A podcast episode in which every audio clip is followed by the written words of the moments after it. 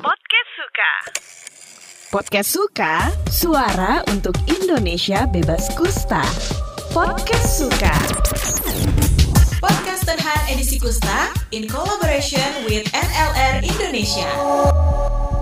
Malam Senin pergi sama mantan. Cakep. Mainnya ke Banda Naira. Cakep. Perkenalkan, aku Mega dan aku Naura. Hai hai hai. Jumpa lagi di Kesmu Podcast Aufmu. Tentunya yang akan menemani hari ceriamu nih beberapa menit ke depan. Mega Mega, kita ngopi kuro yuk. Wah, apa tuh? Ngobrol olah pikir Kusta Zero. Ayo deh, kayaknya seru nih.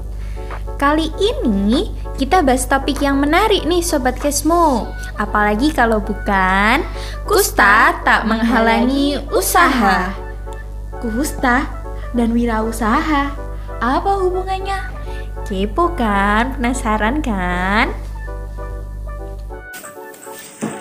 Oke Sobat Kesmo, hari ini kita kedatangan narasumber yang tentunya berkompeten di bidangnya. Boleh kali ya kita perkenalan terlebih dahulu dengan narasumber kita hari ini. Halo Bapak. Halo, Mungkin Bapak boleh memperkenalkan diri terlebih dahulu?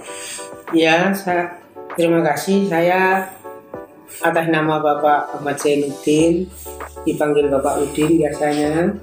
Saya berasal dari Madura bisa dikatakan, tapi berdomi- berdomisili di Surabaya sekarang.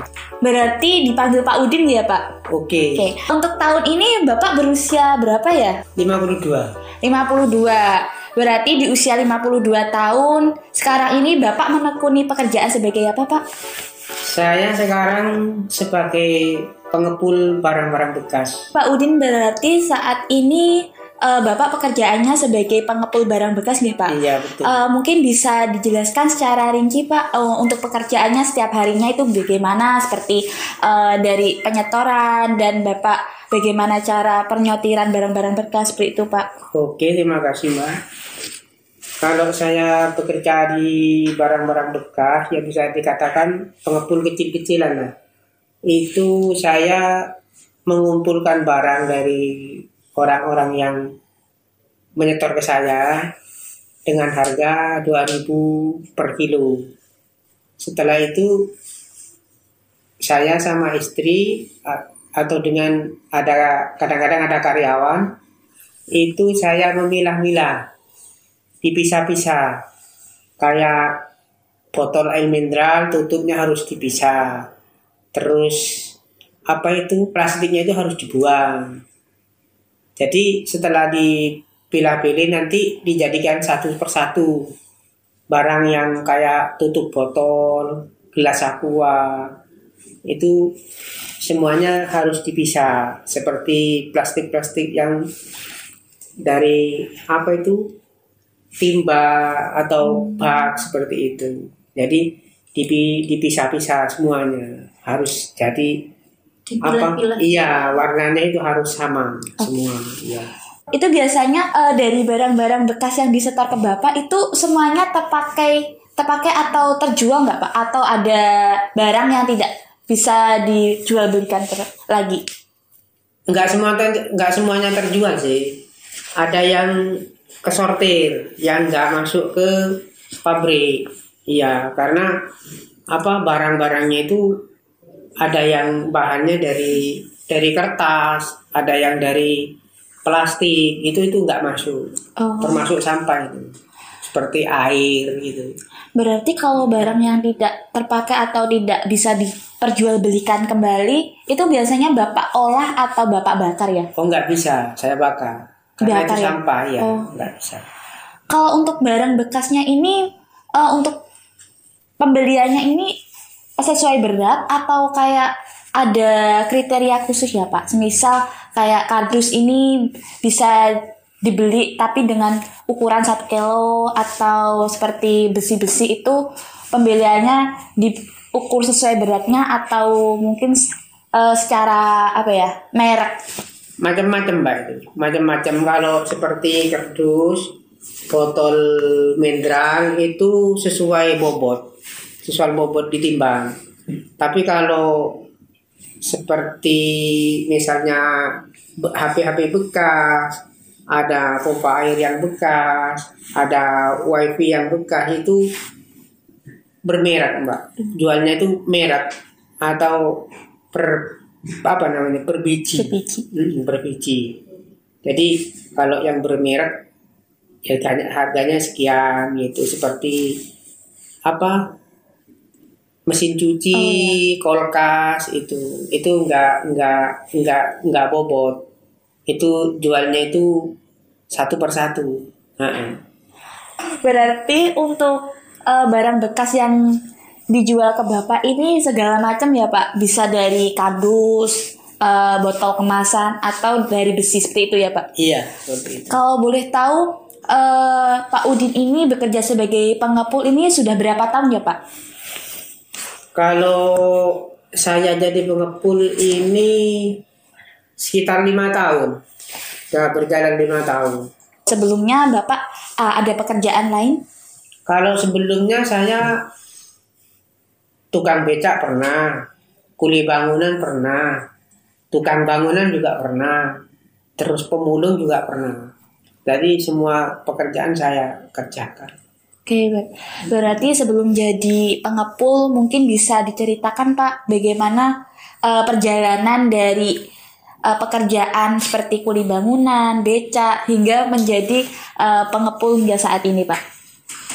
Ya kalau dulu sih perjalanannya itu berat mbak ya. Kalau dulu berat, beratnya itu karena saya harus mencukupi keluarga untuk mengepalakan anak seperti itu.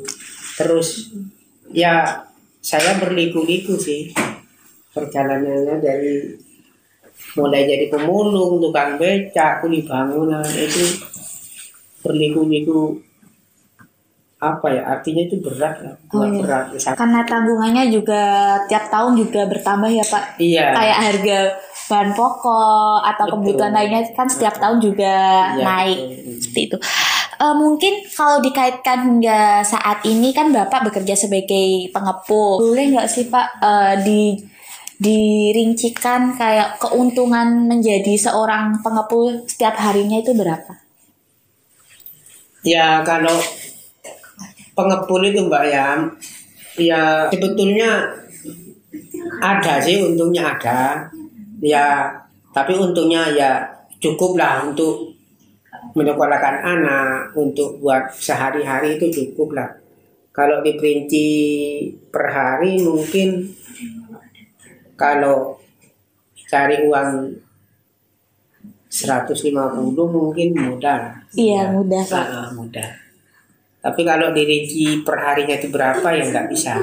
Karena uang kan berputar terus. Iya, benar. Iya, berputar. Sekarang saya kirim, nanti sore sudah datang jadi barang lagi gitu. Tapi uang yang saya putar itu saya ambil untuk kebutuhan setiap hari itu bisa lah cukup lah itu. Oke, Eh, untuk keuntungan hingga saat ini sebagai pengepul itu cukup untuk memenuhi kebutuhan sehari-hari ya Pak. Alhamdulillah. Alhamdulillahnya.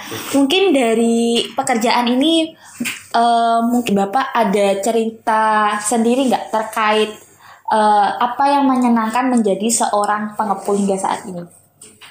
Kalau untuk yang menyenangkan Pak ya ada sih. Senangnya itu saya di rumah.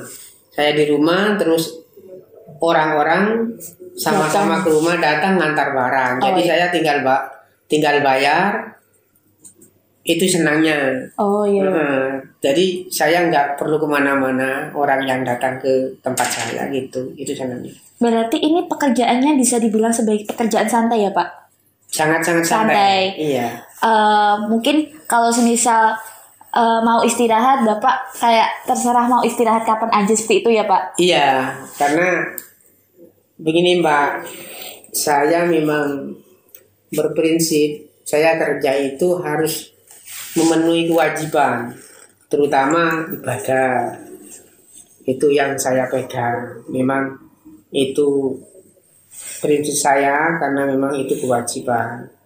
Jadi saya nggak perlu apa ya terlalu ambisi. Saya santai aja. Karena kalau ambisi nanti itu beban buat pikiran saya seperti itu. Jadi santai-santai aja gitu loh. Karena pekerjaan sudah punya sendiri. Iya, benar. Nah, Menurut Bapak, dari pekerjaan ini bagaimana sih kebermanfaatan bagi lingkungan sekitar, kayak dari tetangga ataupun dari eh, apa ya teman-teman seperjuangan Bapak sebagai seorang pengepul? Ya kalau bermanfaatnya untuk tetangga itu mbak ya kalau yang mau kalau yang mau kalau saya sedang lagi banyak barang saya ajak untuk bekerja.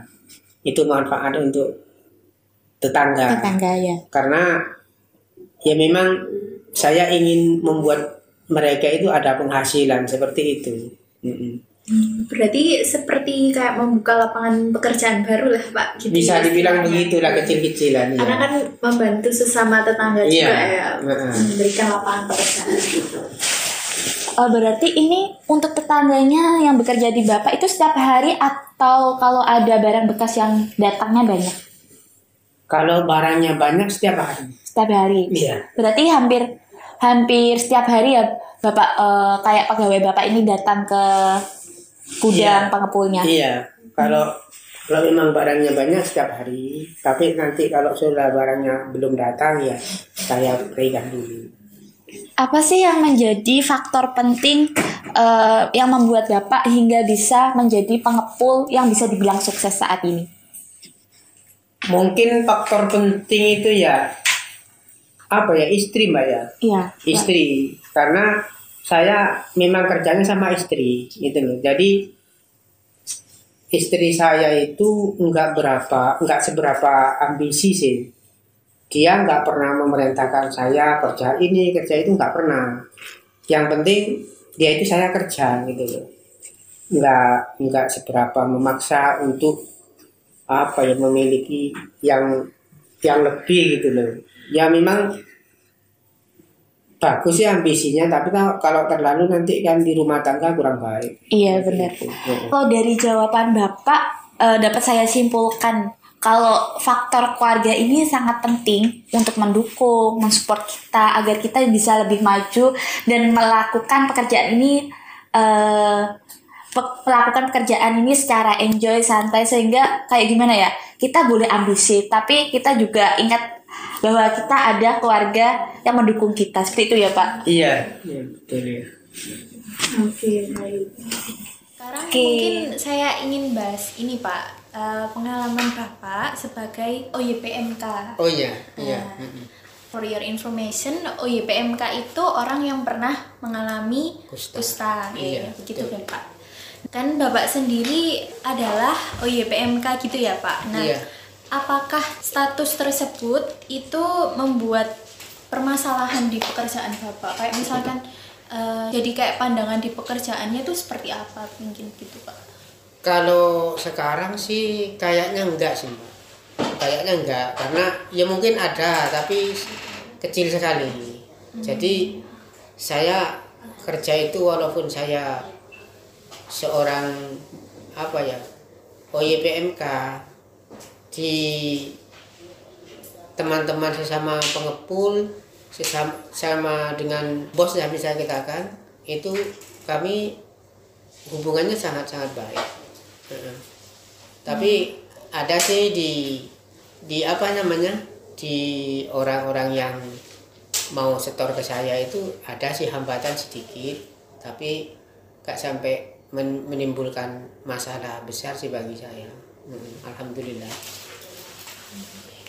Oh, berarti dari lingkungan Bapak sendiri juga tidak mempermasalahkan ya kalau itu eh, OY sebagai OYPMK lingkungan Pak. Enggak sih, enggak apa-apa. Enggak apa-apa.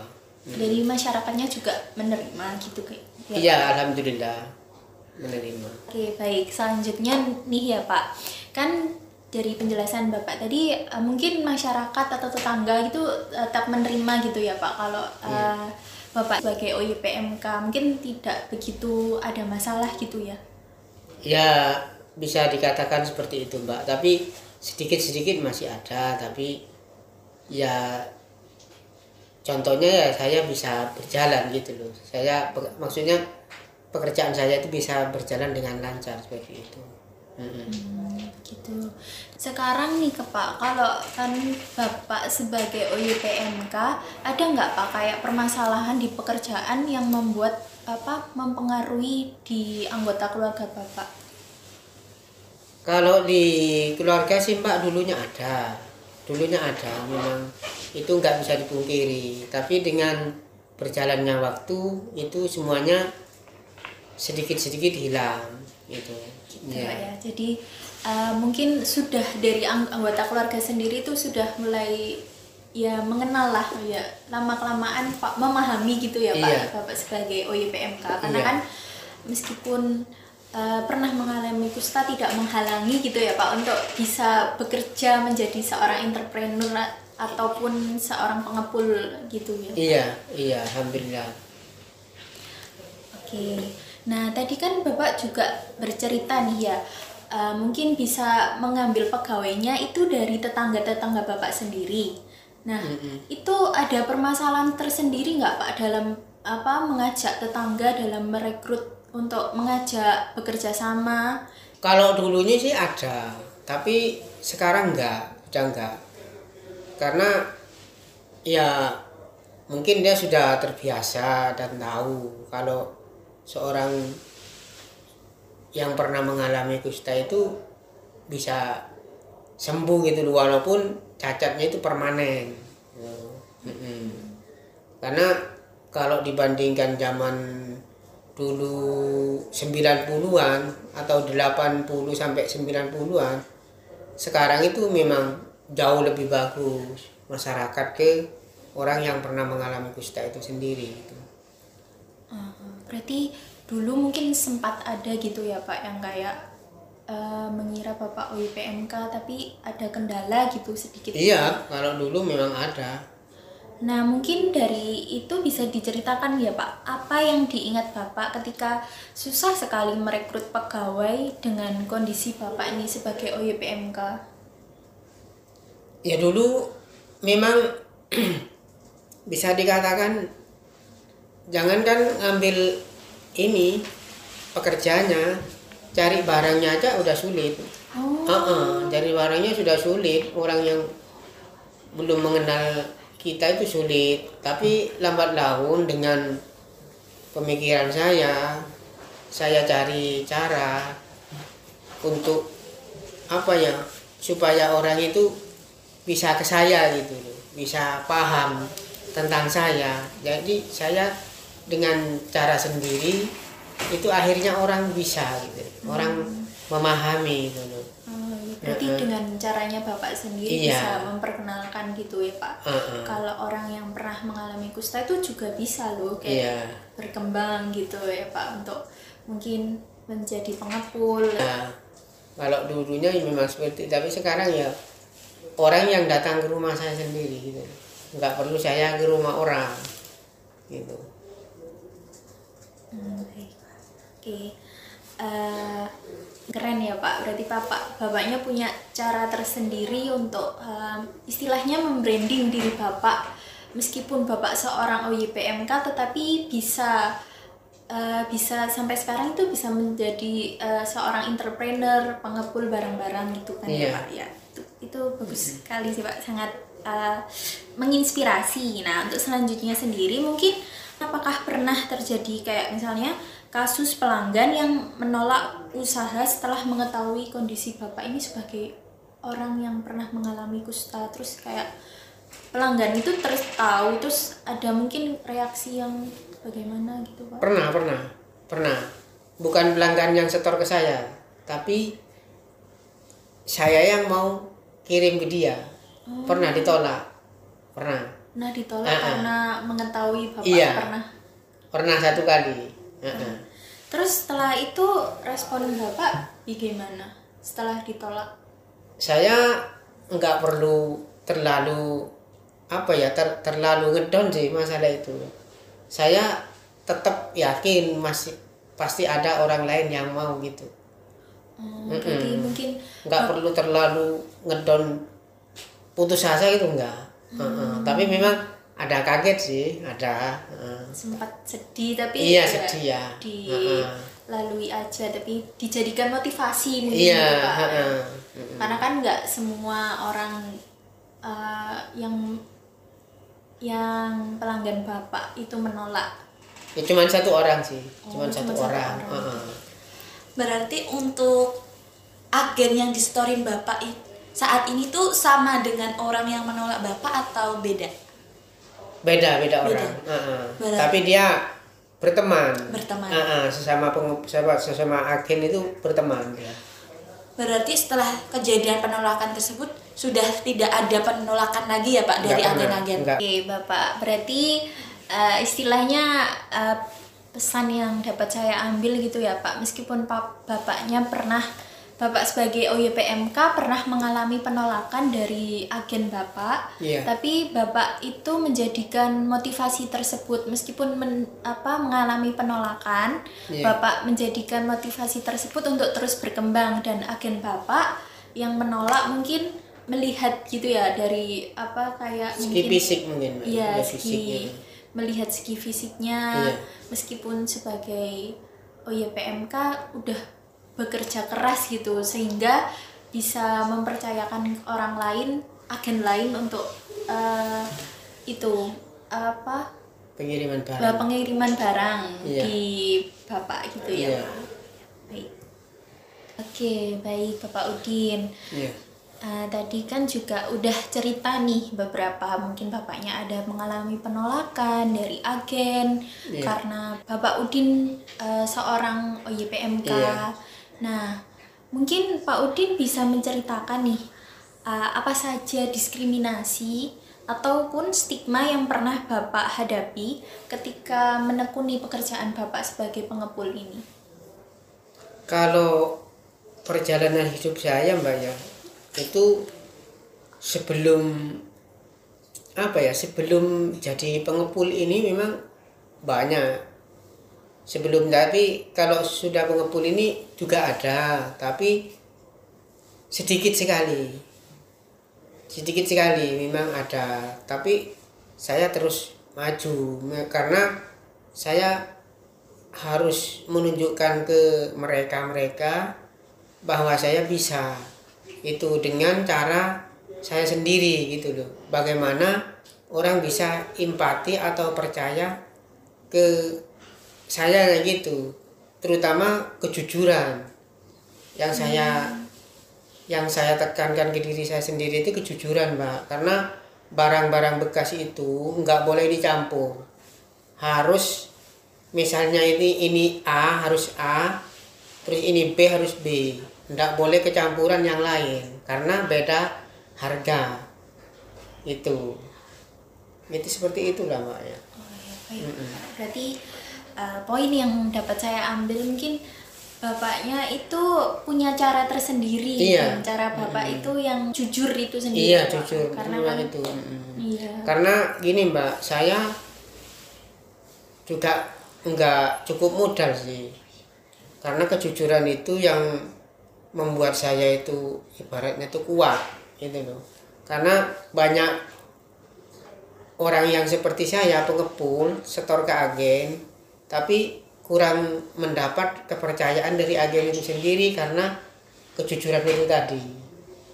Itu. Jadi saya memang itu yang saya kedepankan gitu loh. Jadi agen itu tadi malahan sekarang itu ibaratnya saya itu dapat nomor di antara pengirim-pengirim barang itu saya termasuk orang yang dipercaya. Percaya. Ha-ha. Karena dengan kejujuran saya itu tadi. Ha-ha. Jadi kalau saya kirim barang, agen itu sudah tidak ada rasa khawatir barangnya ini kurang bagus gitu. Seperti itu. Iya. Bapak Udin mengutamakan kejujuran Iya. sebagai apa branding bapak gitu Iya. ya agar uh, agen-agen ini mempercayai bapak sebagai itu penyalurnya. Iya. gitu. Mm-mm. Karena gini Mbak, misalnya saya dapat barang banyak, saya punya uang misalnya di 3 juta sampai 4 juta, tapi datangnya barang sampai 7 juta ibaratnya ya. Saya kan harus perlu suntikan uang gitu loh. Jadi saya ke agen langsung telepon saya minta tolong ini saya dapat barang agak banyak tolong saya dibantu uang gitu jadi agen langsung gitu loh. Jadi karena kejujuran itu tadi agen bisa menarik untuk saya jadikan pelanggan setia gitu loh. Ha-ha. dengan kejujuran bapak begitu ya? Iya. Nah, baik. Eh, lalu caranya Bapak Udin nih untuk mengatasi diskriminasi tadi mungkin mengalami penolakan tadi. iya Cara lain Bap- cara lainnya Bapak untuk agar agen itu mempercayai begitu. Ada mbak sih, ada. Karena saya cara saya begini. Kalau misalnya kan agen itu kadang-kadang ada barang kotor mbak, ada barang yang belum dikerjain. Terus agen itu minta ke saya barang harus diambil Pak Udin hari ini seperti itu jam segini. Jadi saya nggak pernah nggak tepat waktu. Heeh. Karena agen agar agennya itu sendiri bisa percaya ke saya gitu loh. Kalau nanti agen terima barang banyak tapi nggak saya ambil tepat waktu itu masalah di agennya gitu loh. Masalahnya di agennya sendiri bukan ke sayanya itu loh. Seperti penumpukan barang gitu. Heeh. Berarti selain kejujuran tadi Bapak juga itu ya orangnya eh, Disiplin lah bisa iya, dikatakan. Ya disiplin dan selalu menepati janji Iya. kalau misalkan diminta waktu apa waktu untuk mengambil jam sekian bapaknya juga mengambil jam sekian Iya, itu termasuk salah satunya. oke bapak berarti eh, sebagai OYPMK sendiri juga ada tantangan tersendiri ya untuk menjalani sebagai pekerja pekerjaan bapak sebagai pengepul atau istilah kerennya mungkin sekarang entrepreneur gitu ya pak Iya, Bapak. mm-mm. seperti itu. Nah, berarti eh, seperti yang udah Bapak jelaskan tadi, Bapak memiliki kekuatan meskipun sebagai OYPMK mengedepankan kejujuran dan selalu disiplin ketika Iya. Eh, be- apa melaksanakan pekerjaan Bapak Iya. agar dipercaya gitu ya. Seperti itu Mbak. Ya. Karena kejujuran itu menurut saya memang orang kalau untuk maju tanpa kejujuran saya saya kira nggak bisa sih. Karena apa? Untuk mengambil kepercayaan dari agen itu yang sulit. Heeh. Su- Kesulitannya di situ menurut saya. Jadi kalau agen sudah percaya dengan saya, berarti saya bisa jalan gitu. Heeh, seperti itu. Memang itu kejujuran itu memang berat gitu ya Pak. Iya ya? berat memang Nah, karena orang begini mbak kalau saya lihat teman-teman yang bukan OYPMK yang orang umum orang sehat semua banyak yang terbuang dari agen itu sendiri karena kurangnya kejujuran itu banyak yang terbuang itu juga teman-teman saya jadi saya berpikir oh berarti kejujuran memang harus diutamakan seperti itu Oke, baik Bapak. Berarti kekuatan Bapak itu tadi kejujuran Iya. yang paling utama gitu ya. kejujuran Mungkin dari cerita Bapak Udin iya dari seorang kuli, seorang becak hingga sekarang menjadi seorang pengepul barang bekas ya Pak. Iya. Dan juga Bapak sebagai OYPMK tentunya ini tidak menjadi penghalang untuk Bapak bisa maju atau bisa saya bilang itu kesempatan itu masih ada. Bener Bapak? iya Oke.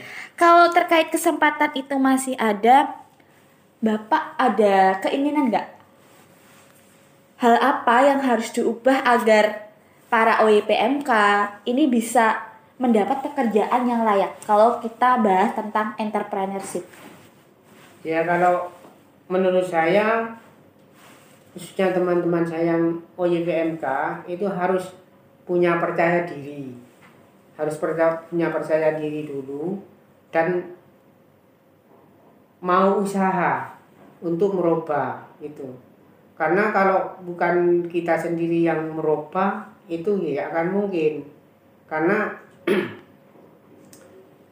semangat dari kita itu yang paling penting dan juga percaya diri bahwa kita harus memandang ke depan untuk maju gitu. Jadi tunjuklah tunjukkanlah. Walaupun kita seorang OYPMK tapi kita bisa gitu. Bisa maju. bisa maju ya. Jadi kuncinya seperti itu sih. Tapi itu memang saya pernah alami sendiri memang itu agak berat untuk berjuang ke situ itu agak berat sebagai orang OYPMK karena tantangannya itu dari masyarakat. Kebanyakan Diskriminasi ya gitu ya. diskriminasi. Stigmanya itu masih ada. Cuma kalau sekarang sih ada kesempatan untuk teman-teman yang mengalami OYPMK itu tadi. Karena dengan kemajuan zaman kita sekarang masyarakat lebih memahami seperti itu mbak Berarti kalau OYPMK ini ingin maju, ingin produktif di bidang pekerjaan, berarti kuncinya tuh harus percaya diri, Iya. ada keinginan untuk maju seperti Iya. itu ya Pak. Oke Kesmo, kalau dari cerita Pak Udin, bahwa support dari orang terdekat seperti keluarga itu sangat penting untuk meningkatkan motivasi atau semangat dalam kehidupan. Selain itu juga, kejujuran menjadi kunci utama untuk membangun kepercayaan kepada orang lain. Tentunya nih ya Kesmo, kehidupan itu tidak selalu mulus seperti jalan tol. Ada kalanya kita juga melewati jalan berkerikil, seperti yang pernah dialami oleh Pak Udin, yang menjadi OYPMK usia anak hingga sekarang ini bisa menjadi pembicara keren terkait kusta. Buat Sobat Kesmo yang asik dan kece abis, makasih banget nih udah ngedengerin podcast kita sampai akhir. Sebelum kita tutup, jangan buru-buru, cabut dulu ya. Karena ada sepenggal pesan dari informan kita yang keren hari ini. Nah, Pak Udin punya pesan penting yang bisa bikin hidup kamu makin on fire. Yuk kita dengerin pesan dari Pak Udin. Ya kalau harapan saya ke masyarakat sih kalau masyarakat menjauhi kita kita tidak akan pernah bisa maju. Dan juga bisa jadi beban masyarakat juga. Karena walaupun bagaimana kita manusia. Tapi kalau seorang OYPMK ini bisa hidupnya bisa mandiri ya itu mengurangi beban di masyarakat juga gitu. Loh. Jadi kalau kita dijauhi selebih se- ditambah dijauhi itu semakin kita jadi bebannya masyarakat terutama keluarga gitu. Seperti itu, Mbak. Kalau untuk sesama UYPMK ayolah kita jangan terlalu minder karena sekarang masyarakat sudah lebih baik, sudah lebih apa? Sudah dengan berjalannya waktu kemajuan zaman sekarang kita sudah bisa sih sebetulnya berinteraksi dengan masyarakat walaupun masih ada stigma. Tapi nggak separah dulu. Sekarang sudah sangat membaik. Karena contohnya saya sendiri bisa bekerja sama dengan masyarakat umum. Ya contohnya jadi pengepul rongsokan itulah. Saya contohkan seperti itu. Jadi kita harus maju jangan terlalu minder karena belum tentu masyarakat itu yang menjauhi kita tapi kita yang menjauhi masyarakat itu. Jadi kita memang sebelum masyarakat ini menjauhi kadang-kadang kita yang menjauh lebih dari masyarakat karena keminderan itu tadi karena perasaan seperti itu.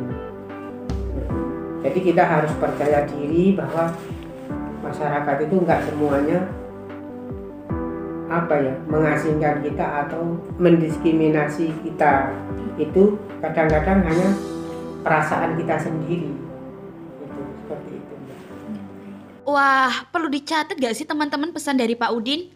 Oke, Sobat Kesmo, udah beberapa menit aku dan Naura nemenin hari ceria kalian dalam Kesmo berjudulkan Kusta Tak Menghalangi Usaha. Semoga apa yang kita bawakan ini bisa membuka pikiran dan hati Kesmo untuk menjadi lebih open-minded terkait kusta dan mendukung pasien kusta untuk sembuh sehingga mereka ini bisa mendapatkan keadilan dalam bersosialisasi khususnya dalam bekerja. Kalau kalian dapat insight atau inspirasi dari podcast ini, boleh dong di-share ke teman-teman kalian. Ajakin tuh mereka buat ikutan mendengarkan dan bisa dapat wawasan yang sama kerennya kayak kalian. Terima kasih banyak buat dukungan kalian. Sampai bertemu kembali di lain waktu.